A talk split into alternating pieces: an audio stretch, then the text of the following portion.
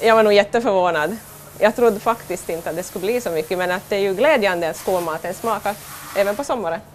Ja, vad tror du att det beror på att, att så många har kommit hit? Jag tror att det är många föräldrar som har uppmuntrat sina barn att komma hit. Att, och det är ju jättebra att föräldrarna får en sån lättnad, att de vet att barnen får mat alla dagar fast de jobbar ännu på sommaren. Mm. Vad har du fått för respons av barnen då? De har varit jätteglada och nöjda och de har varit, någon har sagt att jo, det är så roligt att komma hit, då får man bara njuta och äta och man behöver göra något skolarbete. Precis, ja, de har inte någonting emot att komma till, till skolan ändå och äta fast Nej. de har sommarlov. Nej, för det tänkte jag också att kanske kunde vara ett, en sån här sida av saken att de kanske inte bara vill komma till skolan helt och hållet, men tydligen inte.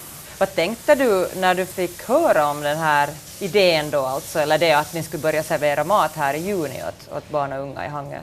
De har egentligen inte hunnit tänka så mycket för det, var, det kom jättesnabbt sen det här beslutet att, att det ska göras. Så att, men först måste jag säga, vem kommer det faktiskt barn hit? Att man var nog lite så misstänksam mot hela saken men att nu tycker jag nu när jag har sett resultatet så tycker jag det är en jättebra idé. Har du märkt att det varit någon skillnad på maträtterna då? Nej, det, ju, det är jätteöverraskande för att eh, vi hade ju ugnsfisk som ju annars inte är barnens favorit här i skolan och då är det nästan, jag tror det var då det var mest barn av alla dagar, så det var en överraskning. Så det fungerar lite annorlunda här ja, nu under sommaren? Ja, det verkar så. Mm. Vad tycker du själv om en sån här idé att, att staden bjuder på gratis mat alltså i juni när, när eleverna då har sommarlov? Alltså det är ju jättefint.